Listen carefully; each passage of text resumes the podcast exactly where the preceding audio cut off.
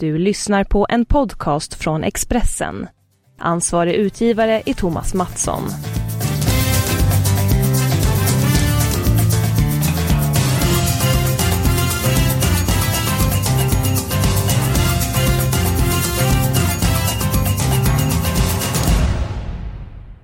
Det är mindre än eh, två månader kvar till eh, jul. Förhoppningsvis så kan vi hjälpa till att få lite julslantar i den här podden. Avsparket där vi snackar fotboll, vi snackar stryktips och det jackpot på stryktipset till helgen. I lördagskväll eh, så nåddes vi av ett väldigt tråkigt besked och tyvärr så bekräftades det detta under söndagen och under måndagen. En helikopterolycka i Leicester. Magnus, du får berätta. Ja, det var ju den mycket tragiska händelsen att eh, Vichai, som är Leicesters eh, ägare sedan 2010, eh, omkom i en helikopterolycka. Helikoptern eh, störtade. Och eh, alla ombord omkom, inklusive då ägaren. Och eh, satte såklart eh, fotbollsengland i stor sorg och inte minst eh, i Leicester City. Ja, ehm, oerhört tragiskt. Eh, spelarna är i chock och så vidare. Eh, Kasper Schmeichel såg dessutom olyckan. Vad har han betytt för Leicester sedan han tog över klubben för eh, eh åtta år sedan?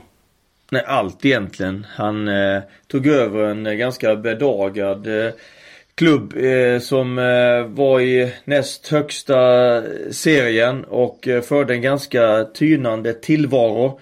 Eh, spenderat mycket pengar i klubben men också eh, satt en väldigt familjär stämning därför att han var väldigt eh, Väldigt enkel och jordnära människa och var väldigt härlig i umgänget med alla i, i klubben. Så otroligt omtyckt och satte en härlig stämning. Och sen givetvis då så har man haft möjlighet att lyfta verksamheten undan för undan genom hans satsning.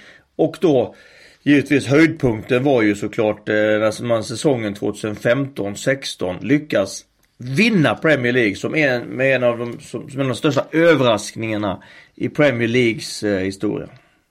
Ja, det var verkligen ett eh, mirakel. Och det är så oerhört svårt att eh, vinna en serie och framförallt de senaste 15-20 åren att gå i närkamp med de här eh, stora eh, elefanterna. Det är sorg i fotbollsvärlden, det är sorg i Premier League. Ehm, det är givetvis stor sorg i Leicester. Hur tror du klubben Leicester jobbar nu med spelare, anställda och så vidare för att gå vidare i den här svåra stunden? Ja, det, det, det, det är ett hårt och tufft arbete som, som väntar. Eh, man, ska, man ska komma ihåg att han var inte bara populär i klubben och, och ibland supportrarna. Han var även populär, väldigt populär i staden Leicester med omnejd. Bland annat så så visade han enorm generositet flera gånger. Eh, inte minst så vid ett tillfälle så donerade han 23 miljoner kronor till ett, eh, till ett sjukhus i Leicester. Och har gjort många, flera, in, flera fantastiska eh, generösa insatser för, för eh, till behövande i, i och omkring Leicester. Så att eh, Ja, vad man går vidare på kort sikt är givetvis att man, man träffas, man kommer tillsammans. Eh, man börjar med att ställa in matchen man skulle spelat mot Southampton här i, i början på eh, veckan med U23-laget. Man, eh, man eh, får givetvis komma närmare och ta hand om varandra. Detta blir, detta blir jättetufft. Men eh, alternativet finns inte, man måste gå vidare. Tack för dina synpunkter där Magnus och därmed så lämnar vi den här tragiska olyckan i Leicester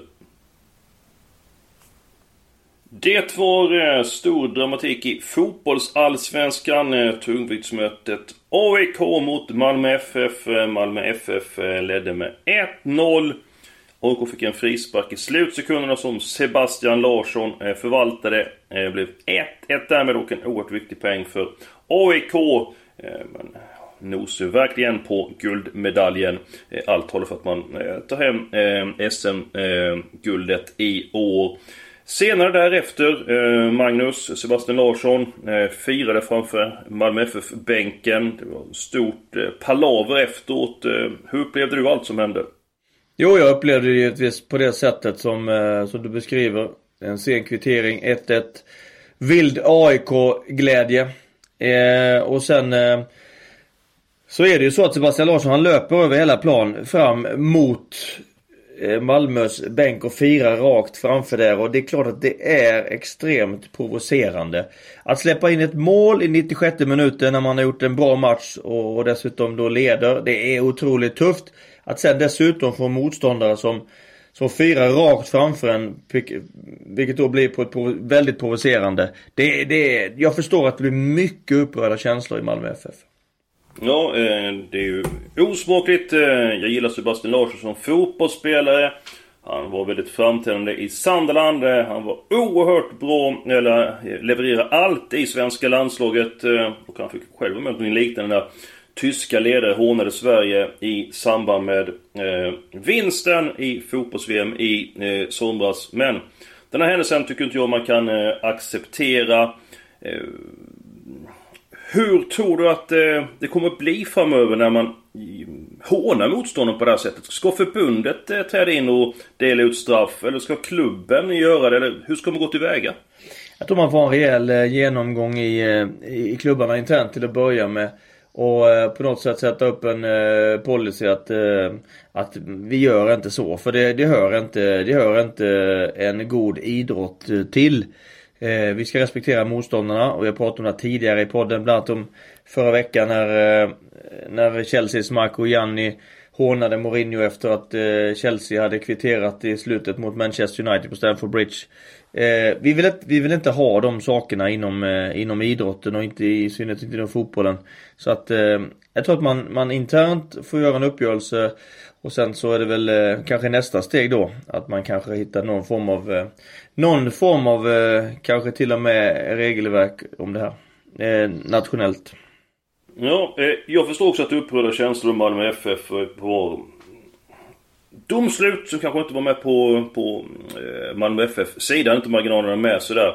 Samtidigt gick Uwe Rössler då till hårt angrepp mot domaren. Vilket ansvar tycker du att han har för att kritisera domaren efter matchen? Nej men vi, det vi får också man får också utgå för att domaren gör sitt bästa. Eh, Självklart. Domaren kan ha bra och dåliga matcher. Det är inget snack om, snack om den saken. Eh, att domarna också kan tåla, få tåla lite kritik, det får de liksom, det får de ta men men det får också vara någon måtta i det hela för det uppviglar också andra supportrar och så vidare att bli att bli väldigt eh, aggressiv mot domarna och vi har ju till och med hört talas om i veckan här att det förekommer dödshot mot domare i Allsvenskan och då, då undrar man var fan vi är på väg. Ja, det är helt oacceptabelt. Eh, jag brukar lyfta fram Jens Gustafsson, det här framme IFK Norrköpings tränare, manager. Som flera gånger påpekat när han fått frågor om vad tyckte de om domare var. Nej men vi är inte tillräckligt bra själva. Han lägger inte fokus på domaren och kritiserar honom utan han tycker själv att eh, spelar du 90 minuter så är det att göra något misstag. Och vad domare, tar, snabba beslut. Det tar med tusan inte lätt och vi ska vara rädda om de som, eh, som dömer. Det är inte så att någon går in för att sabba en match givetvis utan jag tycker man ska ha respekt för eh, domarna. Om vi återgår till matchen. En sak som var positiv i den matchen. Eh, det var ju att det var 31 160 personer som såg den matchen. Lika glädjande var det inte mellan Trelleborg och Elfsborg, Dalkurd och Häcken. 1004 personer på de eh, matcherna. Eh, det tycker jag är en ynkedom. Hur kan det skilja så här mycket mellan lag i högsta serien, Magnus? Från 200 mellan eh, Dalkurd och Häcken, det är så man kan räkna åskådarna själv, till 31 000. Ja, det handlar helt och hållet om, om eh, tradition. Det handlar om storlek på, eh, på städer där man spelar. Det handlar om eh, eh, sportsliga framgångar genom åren. Så att eh, de här lagen, vi pratar om Dalkurd är en väldigt eh, ung förening. Som hade sin eh, identitet ganska klar och stark i Borlänge. Och hade där en, en hygglig publik. Eh, I Superettan när man gick upp. Man har sen fått flytta, man har fått träna i Uppsala och spela matcher i Gävle. Man har eh, ryckt upp med, med rötterna. Och eh, det är väldigt svårt liksom att etablera en, en ny publik i en, eh, i en, ny stad. Det är oerhört eh, svårt skulle jag vilja säga. Men 202 personer. Det finns till och med alltså division 4 division 5 som har fler eh, åskådare. Ja man har ju ett snitt får man säga på 1000 åskådare. Eh, så det är väl det vi får bedöma på något sätt. Men, men eh, det är klart det har, har att göra med att resultaten inte har varit, eh, inte har varit bra. Och sen eh, spelar man i en stad som Gävle där, där det är få som är intresserade av, av Dalkurd helt enkelt. Så att jag tror det får tillskrivas de här geografiska omflyttningarna som varit olyckliga. En ung klubb dessutom. Så att eh, man har ganska få supportrar utöver de som liksom man hade från, från början. De här större lagen har ju liksom värvat supportrar även i andra städer över tid. Så att då har man ju skapat ett helt annat underlag och dessutom i generationer. Så att eh, jag tror det hänger samman med det. Men till de som säger att det är publikkris i svensk fotboll, vad är din kommentar till det? Ja men det, så har vi ju inte. Utan vi har ju, vi har ju två lag som har över 20 000 i snitt. Storstadslagen har ju mycket bra eh, publik och vi är ju ett, sett till vår folkmängd och, och sett till övriga Europa så är vi ett starkt publikland. Så att eh, det har vi inte. Det, det är ett problem för enskil, enskilda, väldigt få enskilda klubbar. Har vi 16 lag i Allsvenskan så klart vi får inte 16 publiklag. Det blir ett och två lag som är mindre publikdragande än övriga.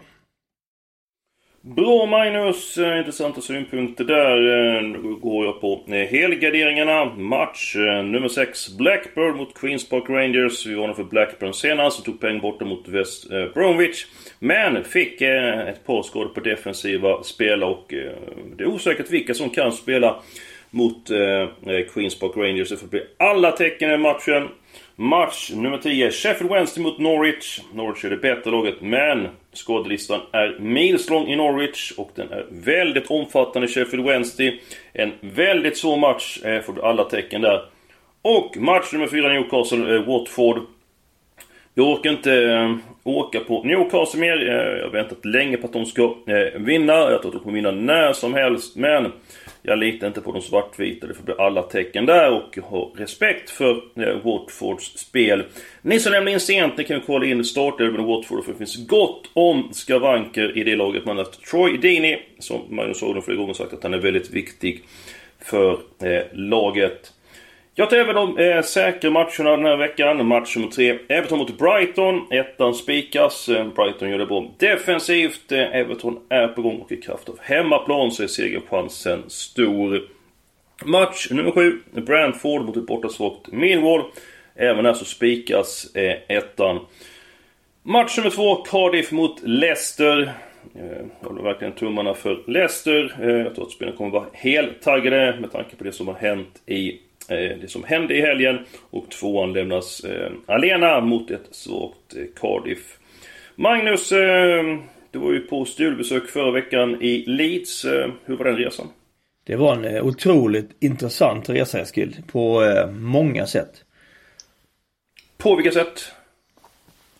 Ja, jag fick ju följa Leeds i två matcher. På onsdagen hemma mot Ipswich och på lördagen hemma mot Nottingham Forest. Däremellan så tillbringade jag två dagar eh, ute på eh, träningsanläggningen torsdagen och fredagen för att följa, följa mm. det arbetet som som pågick där ute och eh, det är ju spännande att se eh, givetvis då Pontus Jansson i träning och match som ju har en eh, väldigt eh, eh, stor och viktig roll i laget både som människa och som spelare. Och sen var det fantastiskt intressant att följa Marcelo Bielsa den, eh, den eh, mycket, mycket kunnige, mycket respekterade och mycket speciella tränare som är där. Vad fick du för intryck av Bielsa i samband med eh, träningarna? På vilket sätt ledde han passen? Ja, alltså det, han har en stor stab med sig. Han har ju sex stycken assisterande tränare som gör mycket jobb för han där ute. Men han övervakar allt och, och kliver in då och då och eh, liksom korrigerar och är ju väldigt, eh, och för all del också berömmer, men han är ju väldigt eh, explosiv alltså. Väldigt, han är så väldigt eruptiv kan man säga. Han, är, han får ju utbrott då och då när han inte är nöjd med, med det som sker. Antingen på spelare eller på något av de assisterande tränarna. En riktig, kraven är alltså enormt höga på allt som, eh, allt som genomförs. Så att det, det, det ger en väldig skärpa i eh, både som assisterande tränarna och i spelartruppen. Dessutom så är träningarna extremt välplanerade. Man tränar väldigt specifikt. Man tränar i mindre grupper på detaljer i spelet. Eh, som man nöter. Så att noggrannheten i arbetet är, är eh, mycket, mycket hög. Och dessutom så är den eh, tränar man ganska tufft fysiskt. Så att eh, krävande både fysiskt och mentalt är hans träningar. Krävande och noggrant, välplanerat och så de tränar på detaljer. Vilka detaljer eh, är det du tänker på hur, hur Leeds tränar? Alla detaljer i spelet. Från hur man eh, Från hur man spelar ut nerifrån, från hur man tar sig eh, förbi motståndarens forwards, från hur man tar sig in på motståndarens planhalva och sen kommer och gör genombrott. Eh, och det bryter man ner i olika delar. Till exempel att mittbackarna jobbar med hur man spelar bort motståndarens forward. Så man tar fram bollen i nästa läge. Man tränar, man nöter kombinationerna på kanterna i små grupper med ytterback, yttermittfält, eh, kanske en innermittfältare, forward. Och sen dessutom så jobbar man väldigt mycket med de defensiva sakerna såklart. Eh, man, Bielsa vill ju pressa högt. Han vill ju alltid pressa högt. Så att han eh, de, jobbar ju hela tiden hur de ska pressa motståndarna i, i alla lägen egentligen. Och så att de kan sätta en hög press. Man jobbar jättemycket med den direkta återövringen. Eh, väldigt krävande fysisk spelstil men, men eh, hög press, spel nerifrån är ju liksom eh, grundpelarna i hans eh, tänk. Ja, intressant. Du får vidareutveckla det här mycket med eh, din resa till Leeds. Eh, kom tillbaka upp i Bielsa. Gör på sina träningspass också eh, vidare. En mycket intressant manager och tränare. Du såg även två matcher. Vilka intryck fick du av Nottingham och Ipswich? Jag att de här lagen är med på Stryktipskupongen. Match nummer 8 och match nummer 9. Om vi börjar med Nottingham. Vad tycker du om Nottingham? Gav ett starkt intryck. Eh, det blev 1-1 på Ellen Road mot, eh, mot Leeds. Nottingham ledde 1-0 efter mål på hörna i första halvlek. Nottingham var svårspelat för, för Leeds.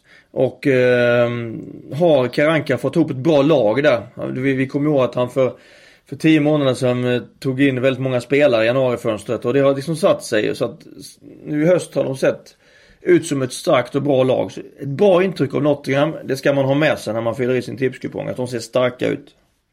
Mm Ja, det håller jag absolut med på. Har ju ett par väldigt eh, värvade väldigt klokt inför säsongen. med Louis Graben som tidigare spelat för Sandra och eh, en hel del mål för eh, oss. Ipswich då, de åkte på en smäll mot Leeds. 2-0. Eh, Min känsla när jag läste om matchen att eh, förlusten kunde varit betydligt större. Hur, hur, såg Leeds ut? Eller hur såg Ipswich ut? Förlåt mig. Nej, de var helt chanslösa. Eh, Leeds var helt överlägsna. Ipswich såg, såg tama och tagna ut. Såg ut i den matchen som ett lag som ska åka ur, ur serien. Eh, vad som hände var att dagen efter så fick ju eh, managern sparken. Mm matchen efter så har man ju haft en, eh, en, eh, en, en annan manager som har tagit från egna led i en match. Men nu inför nästa match så ska ju Paul Lambert, den nya managern då, som blev utsedd här, eh, här för några få dagar sedan, leda sin första match. Ja, det blir eh, väldigt intressant.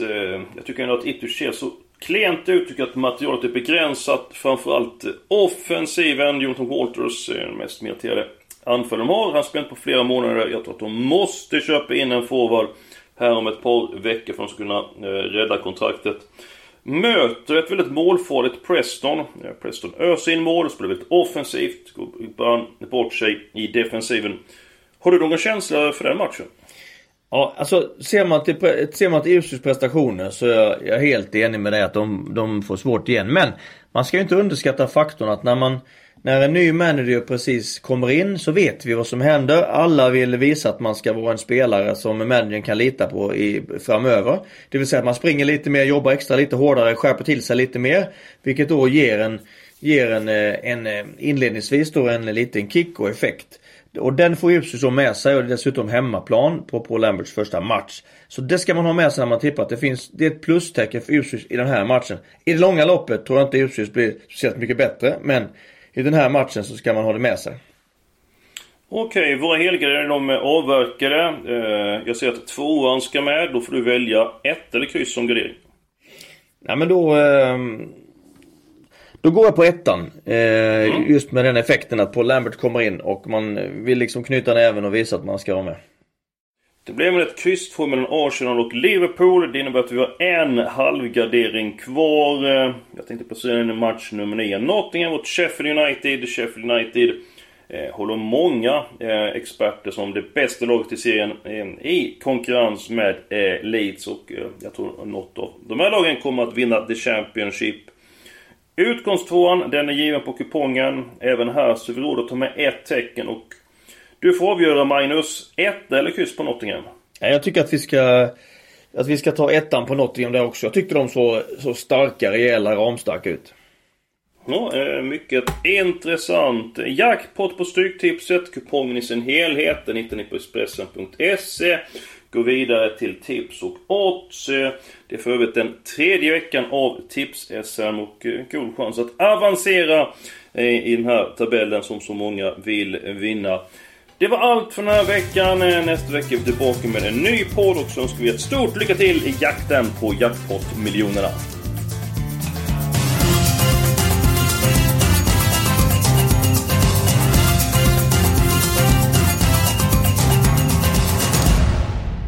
Du har lyssnat på en podcast från Expressen. Ansvarig utgivare är Thomas Mattsson. Ny säsong av Robinson på TV4 Play. Hetta, storm, hunger. Det har hela tiden varit en kamp. Nu är det blod och tårar. Fan händer just nu. Det. är Detta är inte okej. Robinson 2024, nu fucking kör vi! Streama söndag på TV4 Play.